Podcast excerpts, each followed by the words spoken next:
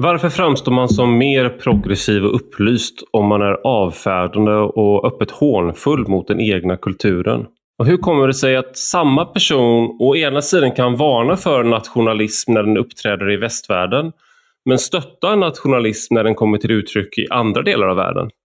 I en ny bok med titeln Masochistic Nationalism, Multicultural Self-Hatred and the Infatuation with the Exotic beskriver sociologen Göran Adamsson just detta. Han visar även hur överdriven nationalism och självhatande nationalism förvisso framstår som varandras motsatser och är det på många sätt, men ändå delar vissa drag med varandra.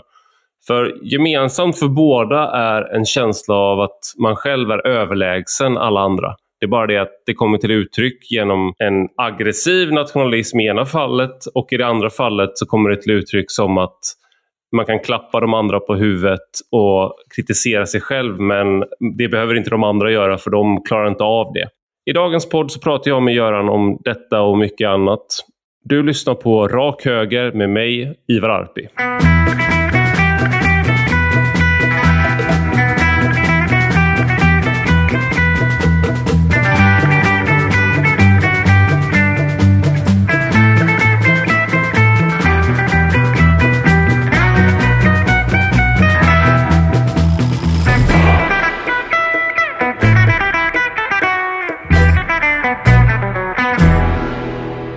Välkommen Göran Adamsson till Rak Höger. Tack så mycket Ivar, det är mycket trevligt att vara här. Du har liksom rört dig lite, vi har rört oss om varandra har det känts som de senaste åren. Du har skrivit om mångfaldspolitik, jag har skrivit om det. Eh, du kritiserade den från vänster eh, och jag kanske mer från höger och sådär. Men jag tror aldrig egentligen att vi har träffats. Nej, jag kan inte minnas det i alla fall. Nej, det har vi inte gjort. Men jag, du har funnits i, i mitt, mitt huvud också från och till. För jag känner ändå att trots att vi kanske ibland står på olika positioner politiskt eh, eventuellt så har vi ändå väldigt mycket beröringspunkter i, i, i vår kritik mot alla de här centrala frågorna faktiskt. Ja, och det, därför är det, så, det är så kul att ha dig här i, eh, i podden så vi har chans att prata. Och nu har vi dessutom en ursäkt som är väldigt bra och det är att du har skrivit en ny bok eh, som heter Masochistic Nationalism, Multicultural Self-Hatred and the Infatuation with the Exotic. Och den är alltså skriven på engelska och utgiven på eh, Palgrave. Nej, Routledge. Nej, Routledge är ännu finare. På ja, Routledge, eh, just det, så att, men Palgrave ja, är ett bra, ett bra förlag också. Men det är också bra, men det var fel. ja, just det. Så tänker jag, du, du gör den här klassiska journalistgrejen helt enkelt och bara, okej okay, men vad är masochistisk nationalism? För det är ju, det låter ju för många tror jag som en självmotsägelse. Ja, alltså det var så här att jag för, för många år sedan nu faktiskt så, så funderade jag på begreppet nationalism och eh, jag, jag, tänkte att det finns, ju, det finns ju den här klassiska nationalismen, alltså människor som hela tiden vill, vill eh, göra fördelaktiga jämförelser mellan sitt eget land och andra länder. Alltså de vi kanske normalt kallar högerpopulister eller eh, ännu värre fascister, rasister och så vidare, nationalsocialister. Eh, men så funderar jag på att det finns en, en, en någon slags svensk åkomma, eller kanske inte bara i Sverige, men kanske framförallt i Sverige, där man istället är pigg på att, att eh, ägna sig åt, åt att göra ofördelaktigt, att jämföra sitt eget land ofördelaktigt med andra länder. För att ja, ja, man kan ju ta namn som Mona Sahlin och Gudrun Schyman och eh, ja, Morgan Johansson och andra. Att man, att man hela tiden har den här, det är som ett tick eller som något man inte kan låta bli. Att man, att man, vill, man drar fram och säger att ja, men se som kvinnor har det i Sverige, se som homosexuella har det i Sverige. Så har man Pride-festivaler och så vidare för att man vill hävda deras rättigheter. Men jag tycker att mycket av det här känns, känns ganska överdrivet. Så att jag, alltså vad jag gjorde var att jag googlade helt enkelt på begreppet negativ nationalism. Och när jag gjorde det på engelska då så pang så dök det upp eh, ett, ett, en rubrik i en essä som just hette Negative Nationalism. Mm. Alltså en underrubrik i en essä och den var skriven av icke mindre än George Orwell. Och nu tänker jag inte eh, ägna mig åt paralleller mellan Orwell och mig själv, det vore ju patetiskt naturligtvis. Men, men i den här essän som hette Notes on Nationalism så, så lägger Orwell ut texten om exakt det som jag med min synnerligen begränsade hjärna hade funderat kring. Nämligen hela den här västerländska traditionen eh, inom, inom det, det som Orwell kallar överklass, eller med, övre medelklassvänstern i London och Hampstead och så vidare. Va? Där man, man hela tiden, man kan liksom inte låta bli att, att jämföra sin egen kultur och sin egen tradition ofördelaktigt med, med eh, med andra länder. Och han, sen vad han då gör att han har ett, ett begrepp som är ännu intressantare, nämligen begreppet eh, överförd nationalism. Och det är då eh, något man skulle kunna jämföra, alltså, eh, han talar om alltså transferred nationalism, alltså exporterad eller överförd nationalism. Och det mm. tycker jag nästan är ännu eh, ännu intressantare för att med överförd nationalism så menar han eh, alltså människor som, som eh, beter sig exakt som klassiska nationalister. Det är bara det att föremålet för deras idealisering och romantisering och eh, politiska ömhet inte är här utan eh, overseas, som Orwell säger. Till exempel människor som tycker att, att, eh, att, att uh, Turkiet är fantastiskt och som kan gå loss om Turkiets historia och identitet och så vidare.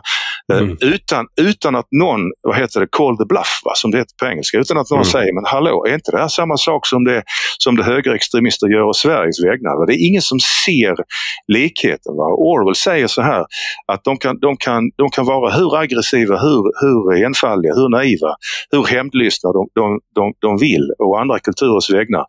Because it is not seen as such, nämligen precis samma typ av, av politiska romantik fast bara någon annanstans. Va?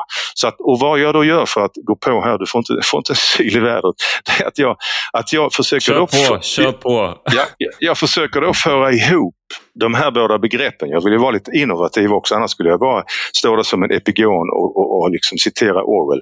Jag för alltså ihop, försöker kombinera Orwells negativ nationalism med hans um, Eh, det här transferred nationalism och då hittar jag på begreppet masochistisk nationalism på svenska, eller mas masochistic nationalism. Som, alltså en slags, en slags lust där man hela tiden, eller en politisk attityd där man hela tiden um, man kan liksom inte få nog av andra kulturer om man håller på hela tiden och, och, och drar sin egen kultur i smutsen och idealiserar andra kulturer. För att det liksom är, är och trevligt och eh, man kan föreställa sig middagar på Söder i Stockholm. Va? Inget ont om Söder, det är en fin stadsdel, men där, där folk sitter och, och skålar och, och uttrycker sig eh, överlägset förklenande om, om Sverige på tusen och ett sätt. Va?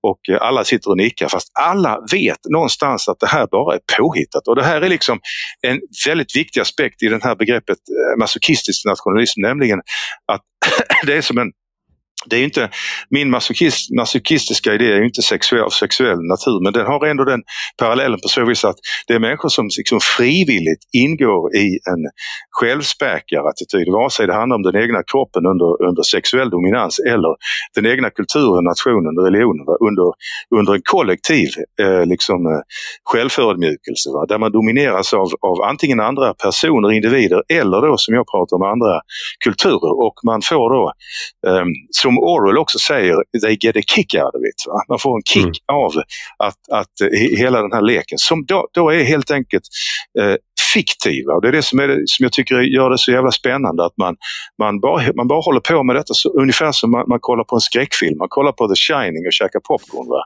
Eller så, så, det är liksom samma grundattityd hos den här typen av, av i min mening, fullständigt förvirrad vänster som, som uh, har gjort det här som någon slags pastime activity. Va? Uh, och tänker, inte bara det. Det, det, det, finns, det, finns, ja. det finns ju en, um, en intressant um, ådra här som jag tycker har kommit till uttryck den senaste tiden och det är det här ja.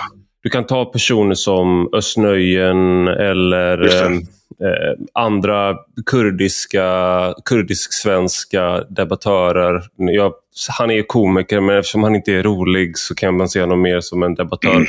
Och De är väldigt kritiska mot eh, svensk nationalism.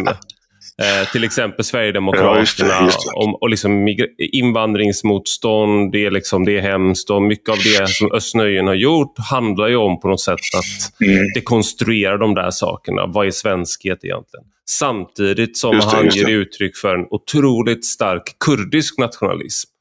Eh, och det där är ju liksom en... Eh, det här, det här är ju något jag själv har reflekterat över tidigare. Att, att jag kan ju en del IRA-låtar utan till till exempel. Och jag har kompisar som kan det också. Mm. Eh, och Det är liksom lite kittlande för det är irländsk nationalism. Så på något ja. sätt så är det då ett, i, liksom omedvetet i alla fall, så är det så ett förtryckt folk anser man. Mm. Och nu är irländare, de är liksom på något sätt, de, de är Europas mest exot, de ligger längst bort. Liksom, och Det är då engelsmännen som har förtryckt dem så du kan använda liksom, den postkoloniala linsen nästan på Irland. Mm. Sådär. Eh, och då blir det på något sätt den här typen av nationalism, det är inte okej okay om det är engelsk nationalism, det är inte okej okay om det är svensk nationalism, amerikansk, tysk, men det är okej okay om det är kurdisk, om det är, är, palestinsk eller om det är irländsk nationalism. Eller skotsk ja. nationalism för den delen. Ja, precis precis. Ja, det har du verkligen rätt i. Det här med att Özz Nujen, en debattör och inte komiker, det var väldigt det var snyggt. Eh, jag har tänkt det många gånger själv. Eh, nej, men att, att, att eh, man, man har, men det, det, alltså det, den här Alltså att acceptera den här typen av exotism eller, eller att man romantiserar kulturer, det, det, det förutsätter ju att den här kulturen är tillräckligt, eh, tillräckligt avlägsen, till, tillräckligt exotisk. Och England funkar inte men Irland kan jag tänka mig funkar. Va? Eh, för att, för att eh, det är något som vi, som, som vi kan mindre om helt enkelt. Va? Orwell han har en fantastisk beskrivning. Han säger att, för att han skriver om Eh, han har en bok som handlar om, om eh, när, den heter The Road to Wigan Pier förresten, som är en fantastisk bok. Den handlar om, om eh, hur de intellektuella romantiserar eh, arbetarklassen och gruvarbetarna i mellersta England. Och, och då säger Orwell så här att han säger I know enough of the working class not to idealize it. Mm. Och det är väldigt bra för att han menar att det, det, det, vad som förutsätts för att hålla på med den här typen av fjantig idealisering det är att man har en, en extremt kollektivistisk syn på eh, vare sig det handlar om, om arbetarklassen eller gruvarbetare eller eh, människor från avlägsna, avlägsna kulturer och, och, kontinenter. För att vet man tillräckligt om dem så funkar inte den här, den här eh, romantisering. Den snubblar på det faktum att man ser eh, de här länderna som eh, ett konglomerat av distinkta individer. Jag har en, en, en, formulering i min, i min förra bok, den som heter Svensk mångfaldspolitik, en kritik från vänster, där jag säger att att jag säger så här att ingen skulle, ingen skulle säga att belgare är fascinerande till exempel. Va?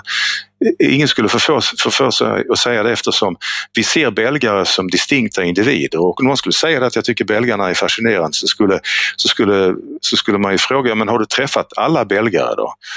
För att det kan ju finnas något som inte är fascinerande men gäller det, gäller det en, en, en avlägsen kultur till exempel som Jemen eller, eller till och med Syrien kanske, va? Så, så kan vi gå loss i den här typen av, av eh, alltså st enorma stereotyper och tro att vi kan liksom komma undan för att de är positiva. Men det är ju stereotyper lik förbannat. Va? Så att det är ungefär som att säga att jag tycker mer om hundar än katter. Va? Eh, och det, den, det är ju liksom egentligen en extremt kränkande, överklassig, högborgerlig, nedlåtande, enfaldig attityd. Va? Men, jag, men jag tror länge... George, Costanza, George Costanza säger det i Seinfeld att uh, “It ain't racism if you think they're better”.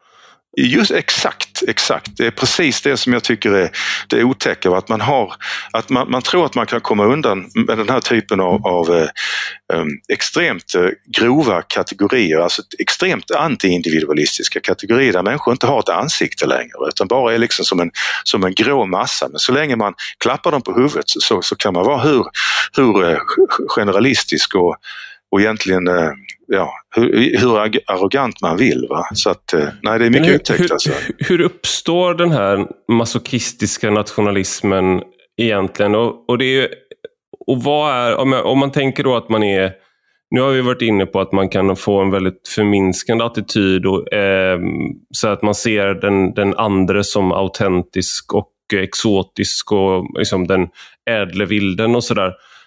Eh, men man ser också det egna då som eh, någonting dåligt och man vill ta avstånd på olika sätt. Och du tar ju upp då några exempel som när Mona Sahlin höll ett tal, nu är det ett tag sedan, men om att eh, eh i början av 2000-talet om att ah, vad har vi svenskar egentligen? Vi har bara midsommarafton och sånt töntigt medan ni, ni har historia, kultur.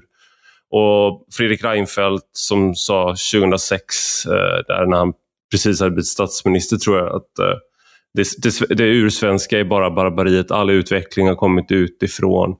Liksom, och det finns ju, det där är ju kanske när du står och håller ett tal så kanske det inte får några stora konsekvenser så sett. Men när, när det, du tar ju också upp exempel när du jämför det här dådet där det var en asylsökande som hade fått avslag som eh, mördade en mamma och hennes son. Ja. Och sen jämför du då med Anton Lundin Pettersson eh, som mördade flera på en skola i Trollhättan. Just det. Eh, där, det hade främ- och där det hade främlingsfientliga motiv.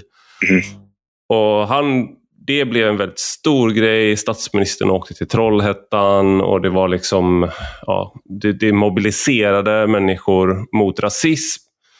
Och eh, faktum är att det ledde till att jag fick eh, eh hot från AFA och fick, fick sätta larm på min lägenhet, sånt där, hans dåd, för att AFA gick ut och sa att det var mitt fel att Anton Lundin Pettersson eh, gjorde det här. Eh, så att, men där fick det ju konsekvenser då liksom i hur vi pratade om det. Att vi, när majorit, någon från majoritetsbefolkningen blir attackerad så att säga av, med rasistiska motiv så är vi liksom fortfarande så att säga den, då är majoritetsbefolkningen fortfarande den starka parten även när man är ett offer. Så då den masochistiska nationalismen eh, ger då liksom logiken att det där är inte någonting vi ska hänga upp oss vid eh, och bli liksom kränkta som kollektiv eller någonting. Nej. Men om någon som tillhör majoritetsbefolkningen gör någonting liknande då av främlingsfientliga motiv mot en minoritet Mhm. eh, eller medlemmar av en minoritet. Då är det någonting som vi inom majoritetsbefolkningen så att säga eh, måste hantera, den liksom, rasismen och det är liksom det masochistiska. Vi, då måste vi påbörja den här processen igen liksom, och terapin och, och liksom be, om, be om förlåtelse och, och sådär. Ja, alltså, men, men eh, de här, eh, de här två människorna, det här dådet i, i Västerås, och de hette ju då Carola och Emil Herlin. Hon var då läkare och eh, de var inne på Ikea för att plocka åt sig några, några köksgrejer. Han hade skulle precis flytta in en läkare. Han var också en, en lä, läkarstudent då, freshman. Alltså han hade precis börjat, påbörjat sina studier. Så att, och de är ju i princip okända. De har ju, man ju, det är nästan så jag skriver det att det näst, man betraktade nästan det här dådet som, en, som, en, eh, som en, någonting genant som man bara ska glömma för att det var liksom, ja det störde bilden på något vis. Och eh, medan då, eh, medan när det, hällde, det gällde det som hände i Trollhättan eh, som naturligtvis var lika, lika fruktansvärt så var det ju, blev det liksom eh, vad heter det, manifestationer med, med levande ljus och Facebookgrupper med hundratusentals som skrev under. Och, eh, om, man, om man ser detta lite grann från ett eh, liberalt perspektiv som jag tycker man gott kan göra för att det är ju lite, lite grann också den, den, den vägen ut som jag ser som vi kanske kan återkomma till. Så, är det, så handlar det i båda fallen om, om två stycken eller flera eh, flera oskyldiga individer som blev mördade på ett fullständigt brutalt vis. Och i, I båda fallen så, och det menar jag ju eh, är lätt att bevisa, i båda fallen så kan man ju kan man visa att det här handlade om hatbrott för att den här killen som mördade Carola och Emil Herlin på Ikea i, i Västerås han hade ju tydligt sagt att han ville ge sig på eh, några svenskar helt enkelt och det var för att han hade fått avslag i sin, precis som du sa, i sin, eh, i sin ansökan. Och, eh, men- men, men i det fallet så var det som att man, det var tydligen inte ett hatbrott när det handlade om svenskar men när det handlade om eh, svenskar som gjorde någonting mot andra så, är det, så var det ett hatbrott. Och till saken hör ju också att svenskar var i den här definitionen av hatbrott så var svenskar exkluderade. Vi var liksom inte med ens i den, i den, i den eh, juridiska definitionen fram till, om det var 2006, jag minns inte exakt. Så att, och det gör ju saken än mer, än mer eh, tycker jag, häpnadsväckande om, om man pratar om människors lika värde. Va?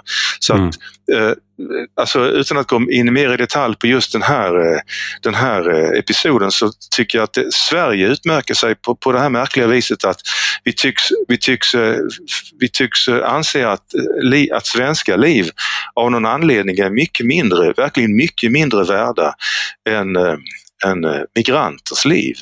Och det finns en massa fall som är, som är av liknande art och man kan vidga detta att, att det verkar som att, att liv alltså som, som förloras, spills av människor i, från västvärlden av olika skäl är mindre värda än liv som, som spills av människor från, eh, från eh, fjärran kontinenter. Eh, och det är också en aspekt av det här som Orwell kallar den här the transferred nationalism, att, att hjärtat bör, börjar bara slå riktigt ordentligt när det handlar om kulturer som vi inte vet någonting om. Va? Så jag tycker det, är... det den här, den här, för det, jag, jag inser att jag ställde en fråga till dig och sen så gick jag vidare till nästa fråga. Ja, Men min fråga var varför eh, vi får den här masochistiska nationalismen. Ja, då, då ger det mig möjlighet att, att, eh, ta upp den kille som jag alltid tar upp när jag blir intervjuad. Jag tror jag har gjort det varje gång. Det är en, en eh, bekant som heter Rumi Hassan. Han skrev en bok 2000 jag vet inte när det var, 2011 tror jag, som heter eh, som heter Multiculturalism, Some Inconvenient Truths. Och det är en fantastisk bok och där, eh, eh där pratar han om, eh, han ställer också precis den här frågan som du är inne på. Och han menar att det, det kan delvis bero på eh, det som han eh, kallar the western liberal post-colonial sense of guilt. Alltså den, det västerländska liberala postkoloniala skuldkänslan som gör att man, man, man tycker att liksom enough is enough. Nu har vi varit så jävla taskiga så länge och eh, det spelar ingen roll att, att vi som lever nu inte, inte har gjort någonting dumt och det spelar heller ingen roll att, att, att Sverige i princip aldrig ägnat sig åt kolonialism. Vi kan ha postkoloniala studier vid Malmö universitet, det är jättebra för att, för att återigen, it's fictitious, va? det stämmer inte, det finns ingen, inget fakta bakom, det spelar ingen roll för att det är mm. så jävla bra och alltså själv, nästan självhatet, självföraktet. Det faktum att man förringar och kränker och förödmjukar och liksom ger den egna kulturen en, en, en, en liksom örfil. Det gör att det nästan blir sant. Alltså. Mm. Jag har tänkt på det också att, att, att skammen gör att det nästan blir sant. Va? Det, då, där kan man... jag, har varit i, jag har varit i den här situationen att, att um, jag vet inte om jag sagt det här i podden förut men, och det här är bara en ja. anekdot men eh, som jag tycker visar på kraften i det här dåliga samvetet. Och det var, ja. det är ju liksom, vi, jag var på en pizzeria i Danmark där jag bodde. Eh, vi hade druckit några öl, jag och några kompisar. Det var jag, två svenska killar och en dansk tjej som hade varit ute och druckit öl. Och så tänkte vi att okay, men en, en hel pizza vi, blir billigare att köpa än fyra slices som då utgör en, en hel pizza på det här pizza slice stället. Så jag bara, okej, okay, vi köper en hel pizza istället. Sådär. Men så visade det sig att när jag började räkna efter då i min eh, lite påverkade hjärna, då hade de ju tagit eh, mer betalt för att slippa göra slices till oss. Uh, och då tyckte jag liksom att men det här, så här kan ni inte göra. Och så började jag gräla med dem. Det, var väl, det här var liksom början av 2000-talet. Okej, okej. Okay, okay. ja, var... och, de, och de bara, men du gick ju med på det. Jag bara, men det spelar ingen roll. Ni, jag, jag, jag litade på er. Liksom, sådär. Och så hade vi en diskussion. Men då, Eh, så sa eh, den danska tjejen efter en stund ja, motsvarigheten till nedsättande ordet på svenska mot invandrare. Eh, och kallar dem det då, för i helvete, liksom era jävla... Ja, sådär. Och ja. då blev det helt plötsligt, då fick vi gå därifrån och det var vi som hade varit, liksom, om man ska göra den berättelsen då, då är det ju vi som har varit där inne och begått ett, så att säga, ett hatbrott eller Exakt, liknande. Just det, just det. Och jag har också varit i den här situationen när eh, om någon anklagar, någon, någon beter sig illa, någon protesterar, men den som har betett sig illa är invandrare eller har utländsk bakgrund. Mm. Så när den här personen som protesterar, då, som, som, som då är svensk, så säger, svarar den med invandrarbakgrund eller den eh, med utländsk bakgrund då, så här, men jävla rasist. Och Det är liksom ett extremt effektivt sätt, vet, vet folk, att få folk att bli helt stukade. För att även om de vet att de har rätten på sin sida, så framkallar det hela den här liksom självrannsakan. Det sätter igång hela det här maskineriet som vi har fått ja. inprogrammerat i oss. Den här, alltså den här masochistiska nationalismen, då, de, den liksom, de här stegen man ska gå igenom. Då. Vänta nu, har jag reagerat på det här sättet nu för att jag kommer med min koloniala blick här? Ja, exakt, exakt, exakt. Och det, och det finns någonting, det finns också någonting, eh, alltså det här är, det här är faktiskt en skitintressant. Okej, okay, men det, det, är faktiskt skitintressant helt enkelt för att det finns ju också någonting, eh, jag ska inte säga poetiskt, men någonting vackert i det här att, att, att liksom, att att eh, ägna sig åt självrannsakan och lägga pannan i, i djupa veck. Så det visar att man inte är, att man inte är, liksom aggressiv utan man, man, man är självkritisk. Så att, men vi har ju vi har ju blivit så tränade i det där så att vi hamnar i den situationen nästan per automatik och, och då hamnar man också i ett, i ett, i ett fullständigt förödande underläge. Va? Att det handlar om om jag är rasist eller inte. Va? Vad man då bör göra det är att säga att egentligen svara att det handlar inte alls om detta. Du, då kan jag lika gärna säga att du är, du är Pol Pot-anhängare så får du försvara dig. Liksom. Nej, jag vidhåller att du är Pol Pot-anhängare. Det, det, är ungefär lika, jag tycker det är ungefär lika relevant att, att dra det här så kallade rasistkortet. Man, man kan lika gärna dra ett Pol Pot-kort mot, mot, en, mot multikulti-entouraget. Liksom. Nej, det är Pol Pot igen. Liksom. Men det, skillnaden då är väl att den här, det, här, den här, det som du tar upp i boken, jag upplever ja. att du sätter fingret på någonting som är Uh, en ideologi som finns för människor med, uh, på alla nivåer. Så att du ja. kan gå liksom till den rik, de rikaste i Sverige och de fattigaste i Sverige. Du kan gå till en etnisk svensk och du kan gå till någon med utländsk bakgrund. Ja, och folk är medvetna om att det är så här det är så här människor, vi tänker på svensk identitet och svensk liksom, svenskhet. Ja. Delvis i alla fall. Och det finns även i många västerländska kulturer fast med liksom lite olika förtecken. Eh, och så det, det, det, finns liksom tillgängligt för folk på ett sätt det där och gör då att man, man, kan komma, man kan komma undan med vissa saker om du tillhör en minoritet. Mm. Eh, men, men, men, det är någonting du tar upp också är att det finns en, som du, den här nju, njutningen du tar upp eh, i, i, boken och nu, och nu här ja. på den, det, det hänger väl kanske också ihop, tänker jag, att man samtidigt då se sig själv som eh, överlägsen den man, den man på något sätt eh, behandlar det, som bättre. Just det.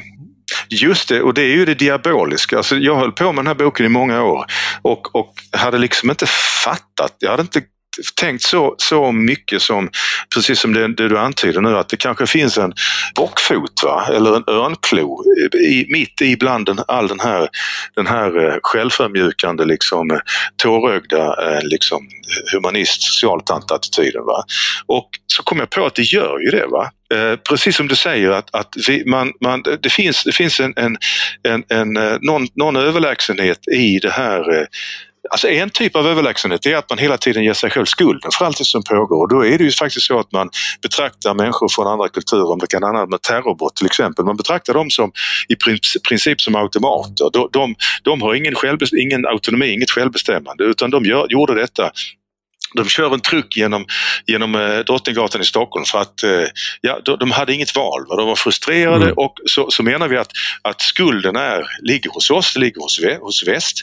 Och där finns ju naturligtvis den här eh, bockfoten, nämligen att vi är ju då de som är autonoma medan då människor från andra kulturer de är, de är inget självbestämmande. De är i princip inte människor. Om med människa menas en, en varelse som kan fatta egna beslut så kan ju Akilov låta bli köra den där trucken va, och döda människor till höger och vänster. Va. Men det är som att det finns också den här, eh, den här vad ska man säga, exotiserande poesin att, att människor från andra kulturer, de, de, de, det finns något storslaget i den här underkastelsen och också något storslaget som eh, vi ser, eller vi tillmäter dem när vi menar att de saknar valmöjligheter. Va? Och för, mm. för 40 år sedan så pratade man om att man ägnar sig åt saken med stort S. Va? Att vänstern agerade, they acted accordingly. Va?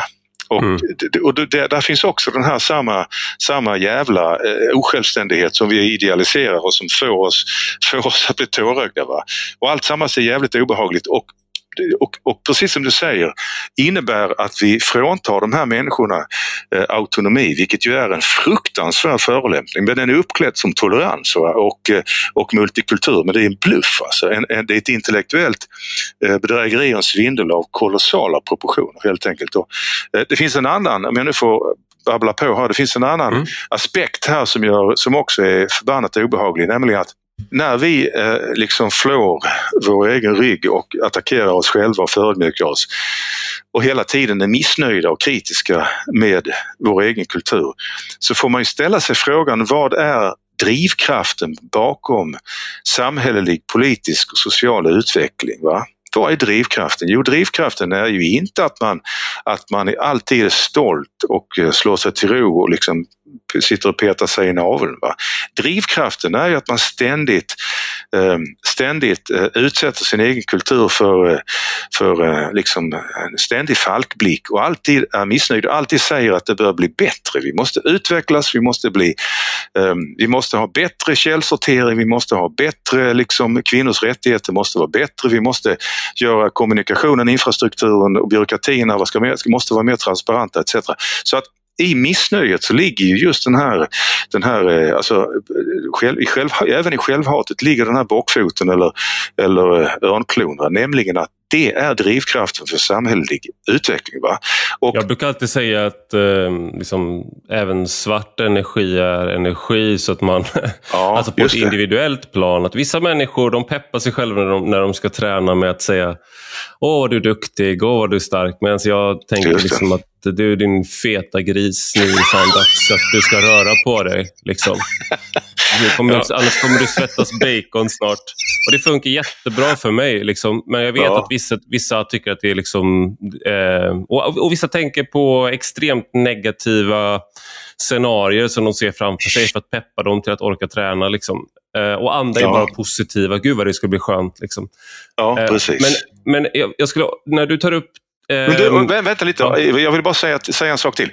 Eh, som har att göra med den här, den, att självkritiken kan vara en drivkraft och att det finns något lömskt, något diaboliskt i det här självhatet, nämligen att det, det, det leder till samhällelig utveckling. Om vi då mm. vänder på detta och säger och, och, och kollar på hur, hur många västerlänningar betraktar främmande kulturer. Man säger att oh, people from Syria and people from Yemen, people from uh, uh, this and that, they are so proud.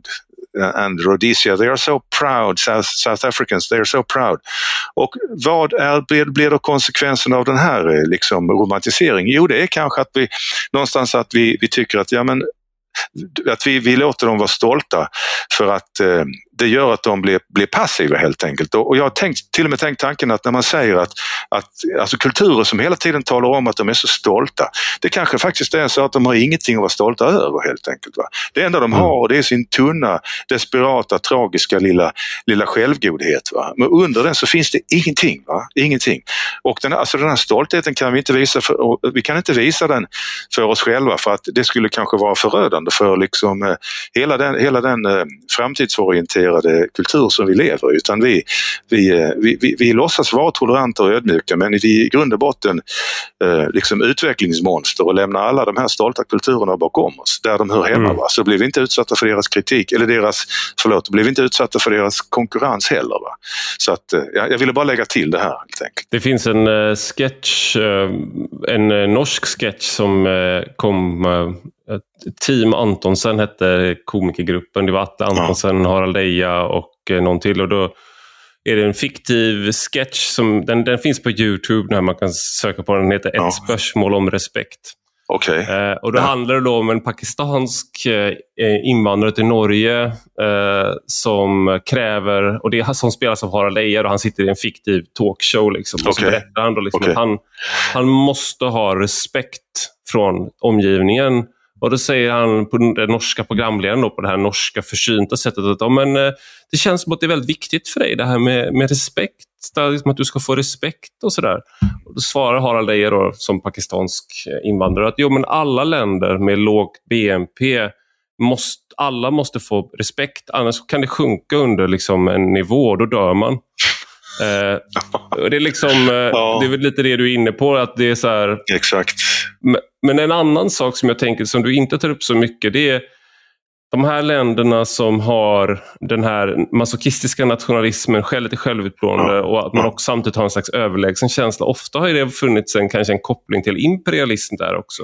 Ja. Alla vet att engelsmännen är överlägsna, mm. så då kan du vara självironisk för att vi har världens största flotta. Liksom. Ja. Och, och, och, i, Sver och i, i, Sverige så har vi också varit ett litet, även om det är ganska länge sedan nu, men att mm. vi har inte varit utsatta för eh, någon invasion och liknande. Vi har inte behövt ha någon, vi har inte haft någon extern chock mot vår eh, känsla av, eh, så vi liksom eh, det, det finns en slags konstig blandning där av eh, att den här imperialismen där man är man är så trygg i sin överlägsenhet. Just det, just det. Eh, så att man behöver inte... Men absolut, ni skottar ni kan väl ha lite nationell känsla. Vi är engelsmän, ja. vi har hela världen. Ja. Du vet, det du, du säger nu är jävla intressant och viktigt. Va?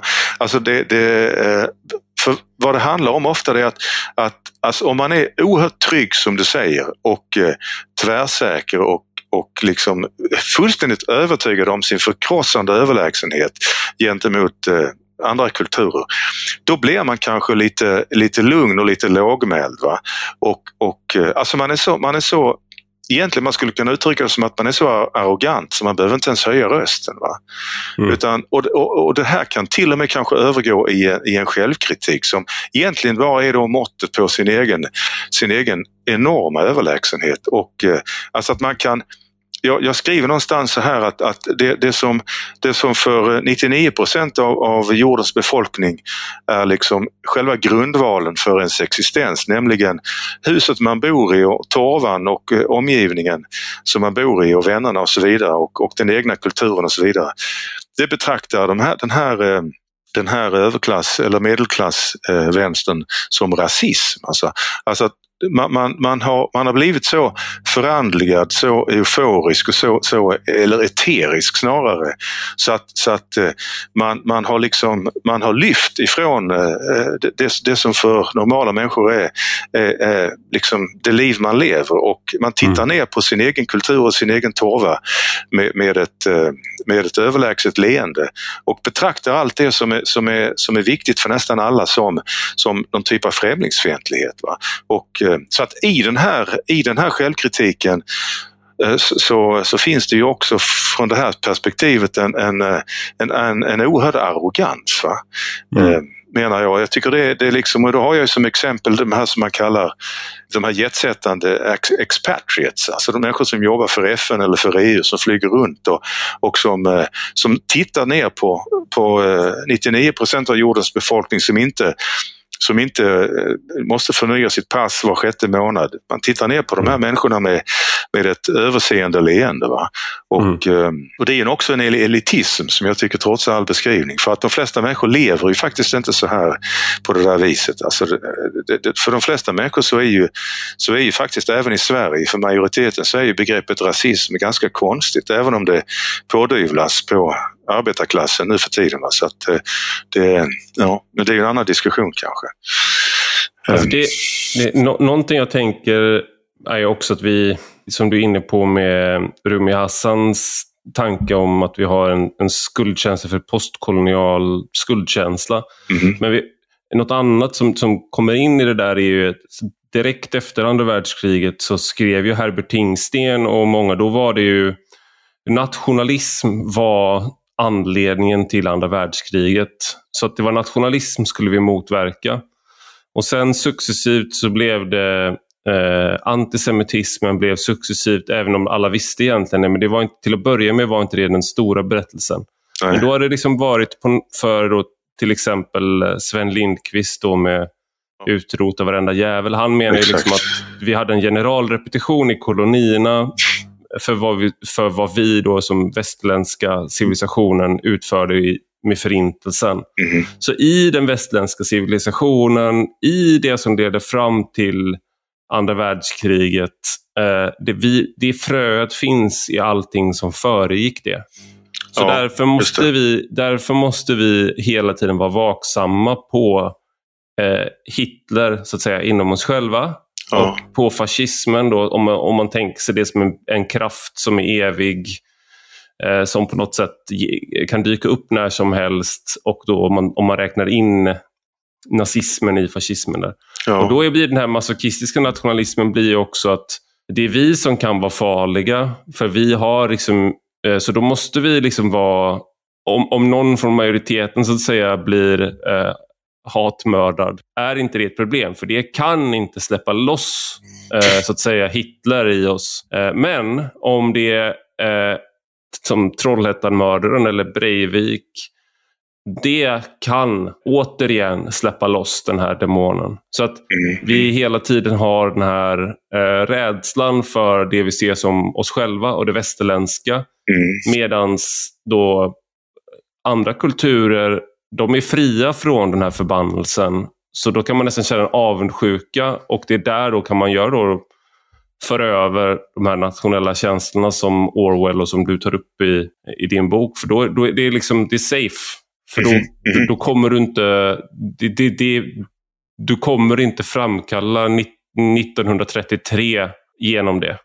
Nej, ungefär, men det, det, är ungefär som att man, man skulle säga då att, eh, att, att turkisk nationalism är, är ofarlig eftersom den, den, det framkallar inte 1933 men det, det kanske, kanske kan, Erdogan kanske kan framkalla något annat som kanske är, är nästan lika illa som 1933. Men, men, nej, men det här är det du tar, tar upp här är ju Eh, mycket intressant, men det är inget som jag berör i min bok. Eh, det kanske jag borde gjort. Alltså den här, eh, ehm, det som naturligtvis är en, aspekt i den här masochistiska, det jag kallar den masochistiska nationalismen, nämligen ett, en, en eh, en, en helt eh, en hårresande eh, kritik mot nationalismen som sådan. Va?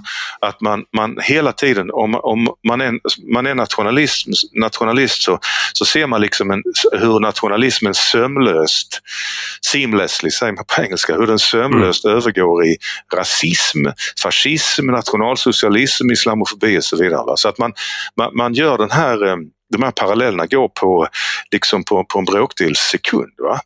Mm. Eh, så, så, att, så att eh, men då finns det ju gubevars, eh, du och jag tillhör väl dem, men, men Habermas till exempel, Jürgen Habermas, den tyske sociologen, han skriver ju väldigt upplysande om det här. Han säger att, att eh, det som för somliga är, eh, är, är o, en oundviklig aspekt inom nationalismen, nämligen nationalsocialism och så vidare. Alltså det finns ju naturligtvis, det finns ju naturligtvis, ligger i förlängning om det vill sig riktigt illa. Men det ser Habermas bara som en som en eh, potentiell risk. Va? Det, det, det, finns, och det är definitivt inte sö, någon sömlös övergång från... För ungefär som att säga att socialdemokratin glider sömlöst över i stalinism. Det finns ju ingen vettig människa som skulle påstå något sånt men här när det gäller nationalism, när det gäller den här typen av problem på högerkanten, då är vänstern så villig och ivrig att, göra, att begå precis den här typen av hårresande politiska krumbukter liksom, och, och eh, mm. vägrar, inse, vägrar inse enorma politiska liksom, eh, hinder och murar va, på vägen. Va? Och, eh, och vad, han, vad Habermas säger och vad jag också säger det är att, att eh, nationalismen eh, som sådan, om vi tänker oss en, en svensk mild nationalism, den är inte, den är inte liksom Eh, allierad på något sätt med fascism. Den är ju egentligen fascismens motsats på så vis att, att eh, nationalismen är, är, är ju grundvalen för ett, ett modernt samhälle. Det är grundval för demokrati. Alltså, eh, nationen som ram möjliggör ju allt, allt, hela den modernitet som vi, som vi enas kring och som är bra. Så kvinnors, alltså rösträtt, kvinnlig rösträtt, byråkratier. Va? Eh, Max Weber pratar ju om det här också. Va? Att, att han ser nationalismen som en ram för ett, ett, ett civiliserat samhälle, va? ett modernt civiliserat samhälle. Så att, eh, och då har vi också den här eh, Alltså att man kan då lätt göra övergången till de här, eh, vad ska man säga, den här globalismen va, hos en del av vänstern. Att man vill, man, man vill riva nationsgränserna för vi är alla människor och vi, vi kan springa från Belgien till Holland och allting är liksom så fritt och äkta och autentiskt. Och, och, och mm. Men då är frågan, då är min fråga till, till de här uh, utopisterna som jag kallar dem. Okej, okay, men vad bygger vi då samhället på? Vad mm. bygger vi samhället på? Förutom transnationella företag, förutom nyliberalism, förutom avreglering va? Och, och, och så vidare. Va? Eh, så mm. jag, jag, anser att hela den här, eh, den här kritiken mot, om man bara tar en sån sak som feminism, om man tar en sån sak som kvinnors rättigheter. Hur ska vi kunna, hur ska vi kunna hävda kvinnors rättigheter om vi inte har nationalstat att göra det inom? Liksom? Eh, mm. Så att jag jag är... Ja, det, ja, men det, jag, jag tänker med, med din bok och med en diskussion som har kommit ändå eh, mer på senare år där man, jag skulle ändå säga kanske att den här sådana här uttalanden som Reinfeldt och Mona Sahlin gjorde som man är uppvuxen med, den typen av refle reflexiv eh, eh, själv, självkritik och, ja. och, liksom, och absurda uttalanden om den egna kulturen, det egna. Liksom. Ja. Att vi har, vi har rört oss från det till att vi också säger att människor idag kanske inte känner sig riktigt lika självsäkra på det svenska och på sin position och på svenskars position i Sverige, eh, det svenska språkets position i olika delar av landet. Vi har jag tänker att vi rör oss mot också att den här, att om man tänker sig nationalism som en, en grund för en välfärdsstat eller att vi har en nation som är att vi känner samhörighet tillsammans. Mm. I, idag så är ju Sverige ett otroligt heterogent samhälle. Ja, det, det är det. Och vi, är, vi delar ju, på många sätt så delar vi territorium, många olika grupper. Men det är inte helt klart att alla skulle vara svenskar i någon egentlig mening eller att alla skulle känna samhörighet med varandra. Nej, så nu är, vi, nu är vi i en situation där om du frågade någon 1980 och de gav uttryck för de här eh, liksom, eh, reflexiva, så, ja men Sverige, vadå, det är väl ingenting att stå efter. Det finns ju massa mycket, mycket bättre i andra länder. Mm. Det, det, var ett uttalande som inte hade kanske så stora konsekvenser. Eh, men idag så kan det ha väldigt stora konsekvenser för människor för att vi befinner oss i ett eh, land som präglas av så mycket mångfald och där det finns många skolor där nästan ingen pratar svenska hemma mm. till exempel. Mm. och sådär. Så att vi, vi, har liksom en ny situation och jag ser den här diskussionen som du tar upp i boken också som en slags uppgörelse. Kanske med den här eh, överlägsenhetskänslan som tar sig uttryck i eh, självspäkning och masochism. Just det, precis det är väldigt bra uttryckt eh, Ivar. En, en överlägsenhetskänsla som tar sig uttryck i, i, i, i självspäkning. Um, jag, jag, jag kommer att tänka på när du pratade att jag, jag brukar ofta, jag tycker om att gå omkring på kyrkogårdar för att jag brukar känna mig extra levande då. Det är väl en dålig vits men, men eh, jag gör det faktiskt ofta för att jag, jag så läser jag eh, namnen och jag läser framförallt deras yrken. Alla de här mm. människorna som levde för, som, som kom före oss, va, som faktiskt eh, har gjort Sverige så bra helt enkelt. Och jag kan ibland känna mig lite moloken för jag undrar liksom vad det är vi, vad är vi sysslar med just nu. Va? Eh, mm. för att, och vad de här människorna gjorde, de, hade, de har, en del har yrken som inte finns längre. Det var att att hålla i dig nu, det var att allesamma, allesammans drog försiktigt, eh, sakta men envetet och jävligt tålmodigt åt samma håll. Det var det, faktiskt det de gjorde och det var lite grann det som var poängen och det säger ju Tage Erlander också i ett tal som, som sossarna inte vill veta av. Han säger att det som gör Sverige så eh, unikt och framgångsrikt är att vi, vi alla är så lika och vi, vi arbetar för samma mål. Va?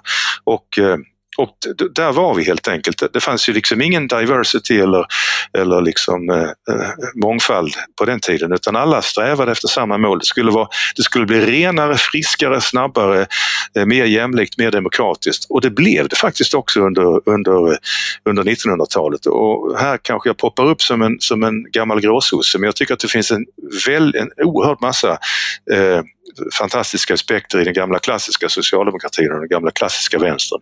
Men nu har vi då ett samhälle som du, som du helt korrekt eh, påpekar, alltså där, där människor eh, befinner sig, kommer till Sverige och lever i Sverige från alla möjliga olika typer av kulturer.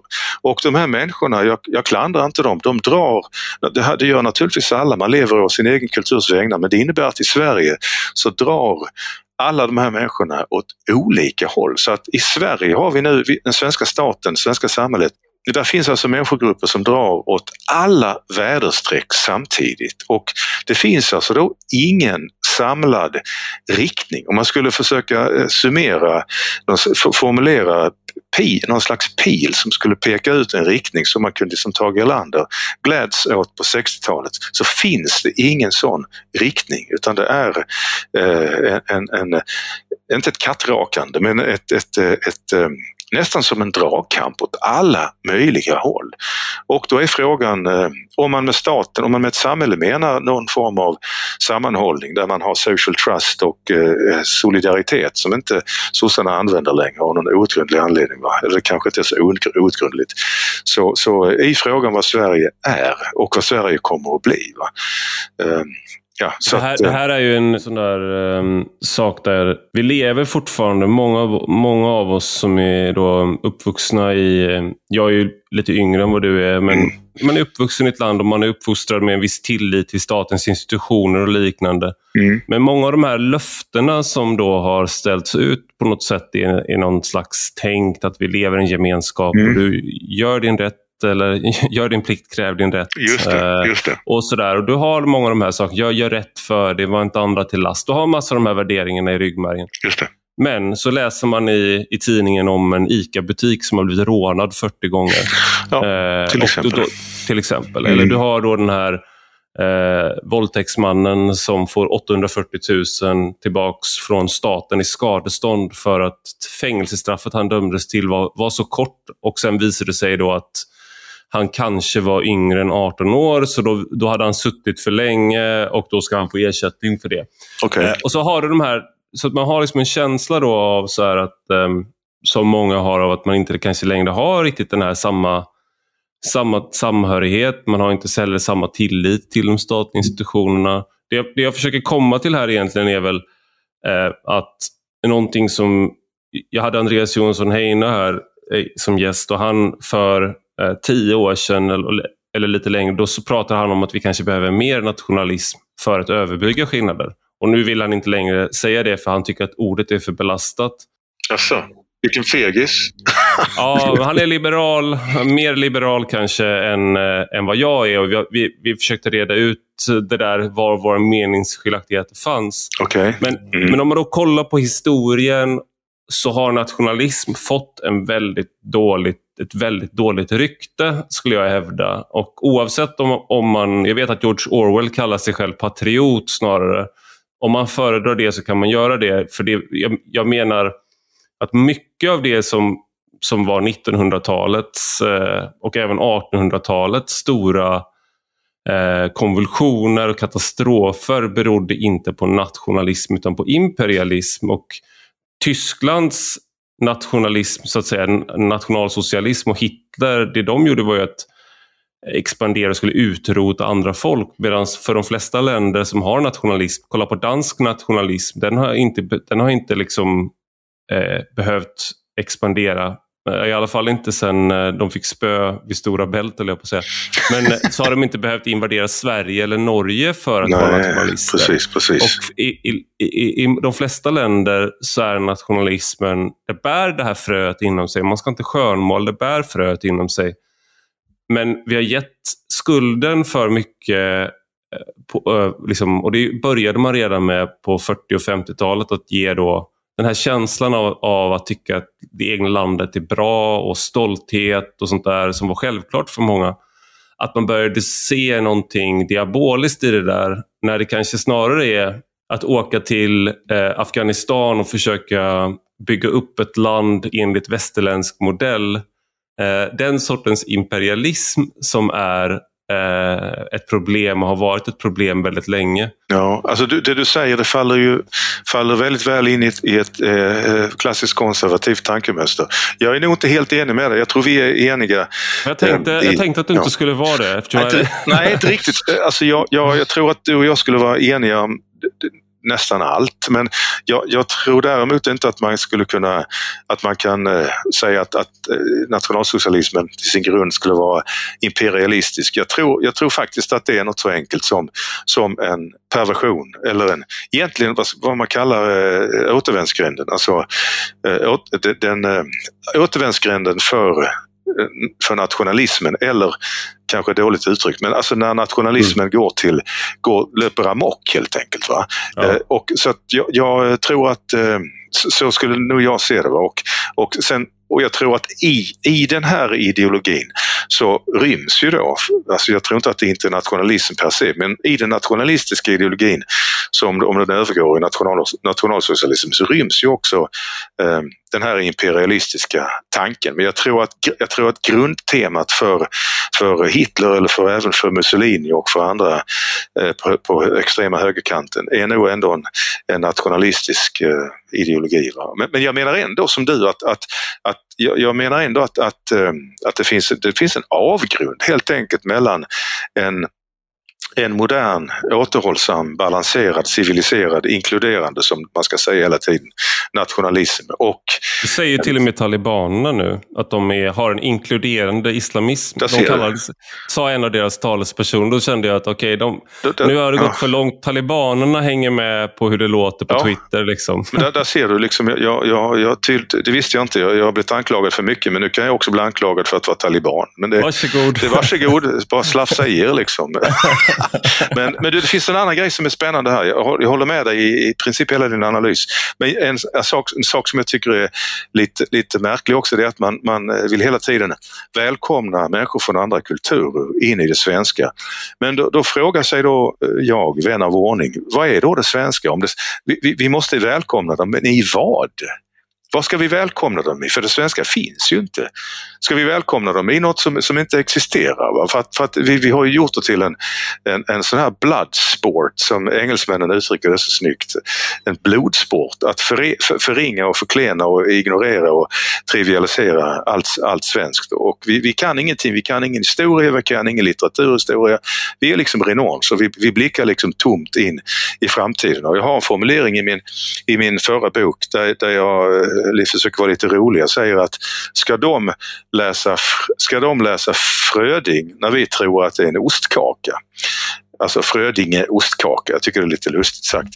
Mm. Alltså det här eh, Alltså, hur, hur, ska vi, hur ska vi kunna, hur ska de känna någon form av tillhörighet till något som vi själva struntar i? Va? Och som vi inte bara mm. struntar i utan som vi, har, som vi i princip uppmanar alla andra att, att ignorera. Och jag tror faktiskt att, eh, jag undervisat SFI för länge sedan och ja, då, då pratade jag med, med de här, eh, det var framförallt muslimer men även många från forna Jugoslavien och eh, vi, de sa det att det är märkligt att ni verkar inte bry er om er egen, alltså era, era egna rötter. Va?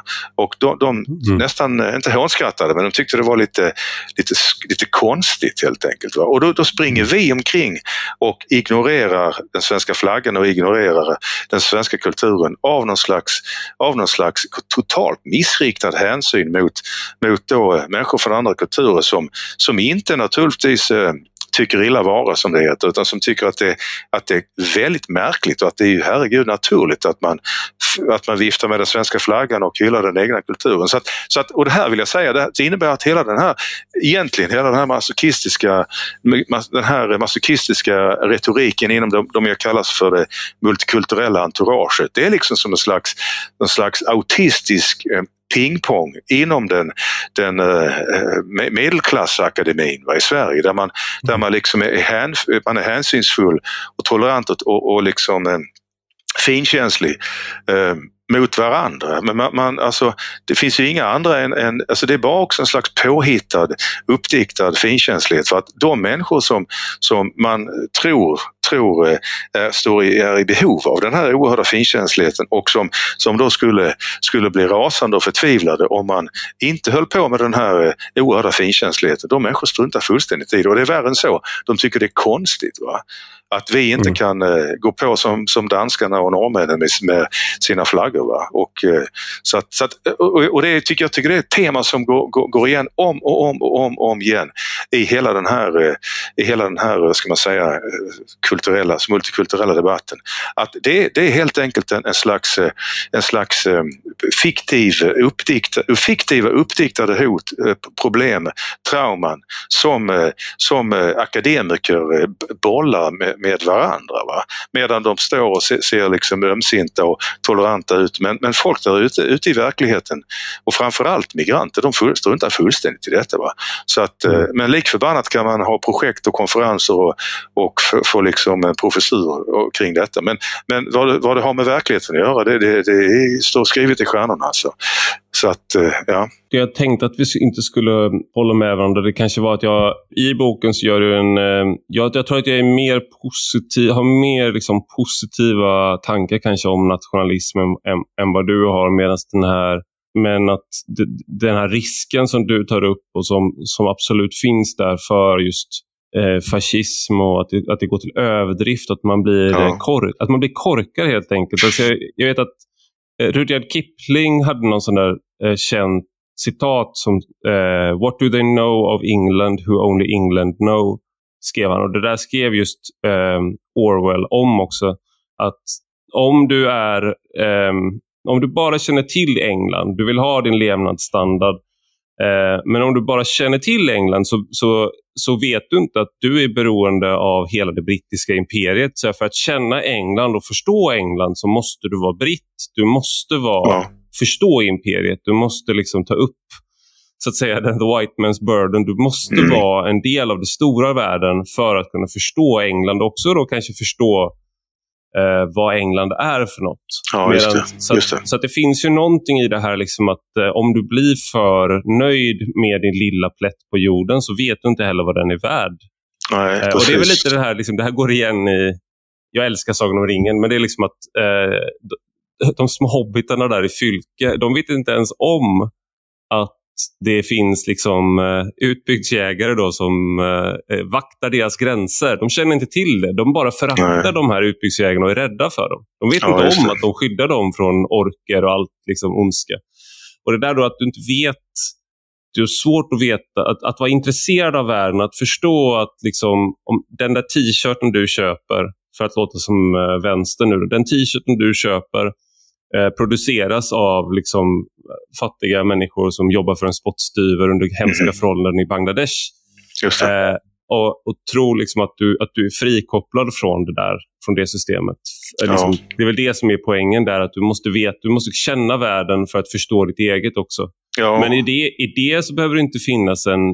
Där, där finns det ju inte en, en masochism, utan där finns det ju en, en reell nyfikenhet. Och Det här var ju också någonting som om man tar den postkoloniala litteraturen eh, med Edward Said, han var ju inte intresserad av eh, de oriental, orientaliska kulturerna som hade skildrats utan det han var intresserad av var att eh, kritisera de som hade åkt dit och lärt sig språket och lärt sig och bott där och gått, liksom gone native eh, och säga att titta här, de hade koloniala attityder, vilket givetvis var sant, men de var också genuint intresserade och genuint en del av de här kulturerna på ett sätt som de postkoloniala aldrig blev eller aldrig har varit. För de har varit intresserade av att göra upp eh, med, med väst. Så det, det finns liksom ja. en, det finns en provinsiell attityd i vissa av de här sakerna också. Man är, man, å ena sidan är man alldeles för intresserad av allting främmande. Ja. Men du är inte tillräckligt intresserad egentligen. Utan du vill ha den här Disney-versionen av eh, den andra kulturen. Du vill ja. ha en tillrättalagd eh, version av den.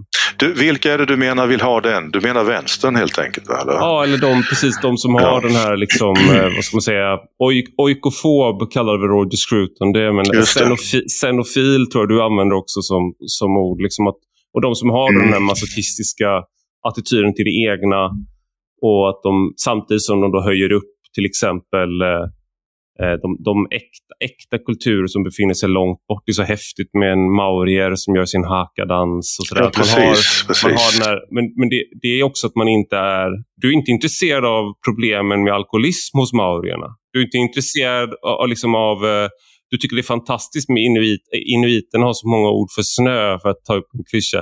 Mm, men du är inte intresserad av att veta liksom, okay, men hur, hur, hur många mord begås där? Alltså, vad har de för sociala... Alltså, du har inget sånt genuint intresse egentligen, utan du, du använder de andra för, ja. för att eh, slå på dig själv. Ja, men, men, precis. Men Ivar, nu tycker jag att du är lite, det var lite opassande det där du sa att inuiterna och deras, att de kan, det kanske finns drogmissbruk. Jag tycker det var, det var inte riktigt klädsamt. Så att, vi glömmer Nej. det. Vi glömmer ja. det. Du vet. Nej, men visst, det här är ju, det här, du sätter fingret på något oerhört känsligt och det är precis eh, klockrent eh, exempel, klockrent exempel på den här eh, romantiseringen som den här medelklassvänstern inom akademin och liksom journalister och så vidare ägnar sig åt. Nämligen att, alltså det som kallas boutique multiculturalism. Jag tror det var Rumi Hassan som använde det här också. Ett fantastiskt begrepp. Alltså att, att eh, det, det, är liksom när det handlar om eh, spices, va? om det indiska, liksom, och det är så kryddstarkt och det är så färgrikt och så vidare. Va? det är jävligt spännande men, men, eh, och det är färgsprakande men då, då säger, jag, säger jag som en sån eh, festförstörare jag är va? att, att det här färgsprakande kanske är faktiskt ett inbördeskrig. Va?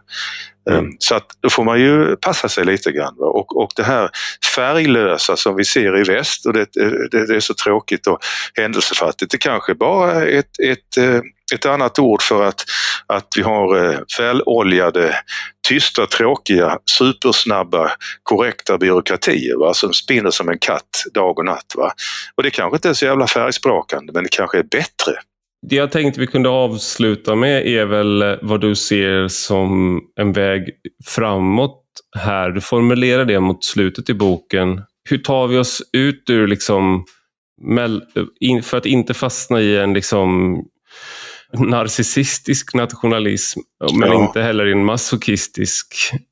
Hur ska vi ta oss vidare? Ja, alltså jag, har ju då, jag ser ju de här, de här båda vad jag gör i, i min bok, min bok är uppbyggd kring 23 stycken teman där jag visar att, att eh, de jag kallar klassiska nationalister och de här masochistiska nationalisterna, de är dödsfiender och de skulle inte stå ut och dricka kaffe tillsammans mer än en minut. De skulle råka i luven på varandra omedelbart. Men jag menar att under ytan under ytan så säger de i princip eh, samma sak. Va?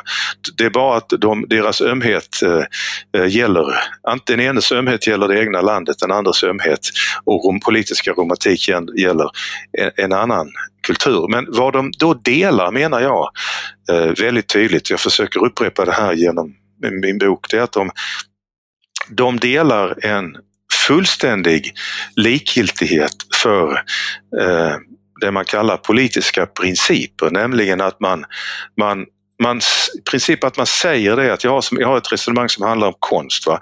Att, att eh, en, en, eh, en, eh, en multikulturalist kan ju älska Eh, konst när den riktar sig mot väst och försvarar konstnären med full kraft. Va? Men om, om konst, den här konsten, om vi tar Mohammed-karikatyrer eller Lars Vilks, så, så blir plötsligt den här, eh, den här multikulturalisten, eh, alltså gör liksom en, en helomvändning och tycker plötsligt att konstnären ska, ska fängslas. Va? Eh, så det här är ju jättekonstigt men då, då finns det ju mots, motsvarande exempel på högersidan. Det fanns ju en, en kvinnlig SD-ledamot som gick, gick igång på någon muralmålning där, där, eh, som då föreställde eh, eller innehöll ett kvinnligt underliv. Och när det är en muralmålning så är det kanske inte sådär jätte, jätteerotiskt. Va? Porn, det är inte, framförallt inte pornografi. Men då, med, sa hon i riksdagen att den här kvinnan borde hamna, den här konstnären, kvinnliga konstnären borde hamna bakom lås och bom. Eh, men hade det handlat om Muhammed-karikatyrerna eller Lars Vilks så är hon naturligtvis hur passiv som helst eller skulle, skulle försvara Lars Vilks och, eh, och, eh, eller Dan Park för den delen va? Med, med full kraft och det tycker jag kanske hon ska göra. Va? Men alltså vad jag menar här är att båda de här attityderna är spegelbilder av varandra. På engelska så säger man att the bottle is upturned och man kan säga att, man, att vad heter det, rocken har kommit på avigan. De säger exakt samma saker fast åt motsatta håll. Va? Och och i, in, ingen av de här båda liksom, eh, extremisterna, som jag kallar dem, är intresserade av Eh, principen när det gäller konstens frihet, nämligen att, att eh, man, ska också, eh, man ska också hävda konstnärlig frihet när det gäller konst som man inte tycker om och kanske framförallt faktiskt eh, som Rosa Luxemburg, hon säger något fantastiskt. Hon säger att, att eh, hon säger så här, freedom is only freedom for those who say things other people do not wish to hear.